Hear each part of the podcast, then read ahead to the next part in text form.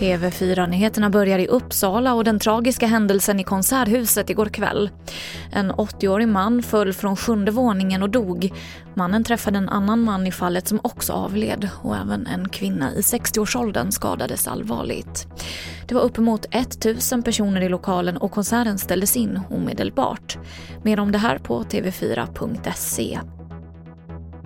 Det är mer än dubbelt så hög risk att begå självmord bland personer som inte kan betala sina skulder än de som inte har några skulder.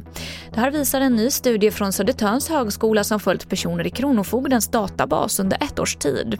Och en del av förklaringen är enligt forskarna en utbredd stigmatisering av skuldsatta, där skuldproblemet ses som ett misslyckande från individens sida. Till sist kan jag berätta att när Socialdemokraterna idag samlas till kongress i Göteborg är ett av de förslagen som med största sannolikhet kommer att röstas igenom ett förbud för friskolorna att plocka ut vinster. Förslaget har brett stöd hos väljarna men många friskolor skulle drabbas mycket hårt. Det är ju ett väldigt, väldigt oroande förslag. Om det är så att man inte kan få ha buffertar och få göra ett överskott, då kommer man eh, långsiktigt att tvingas att lägga ner. Det sa Andreas Åström som är näringspolitisk chef på Almega. Fler nyheter hittar du i vår app TV4 Nyheterna. I studion Emily Olsson.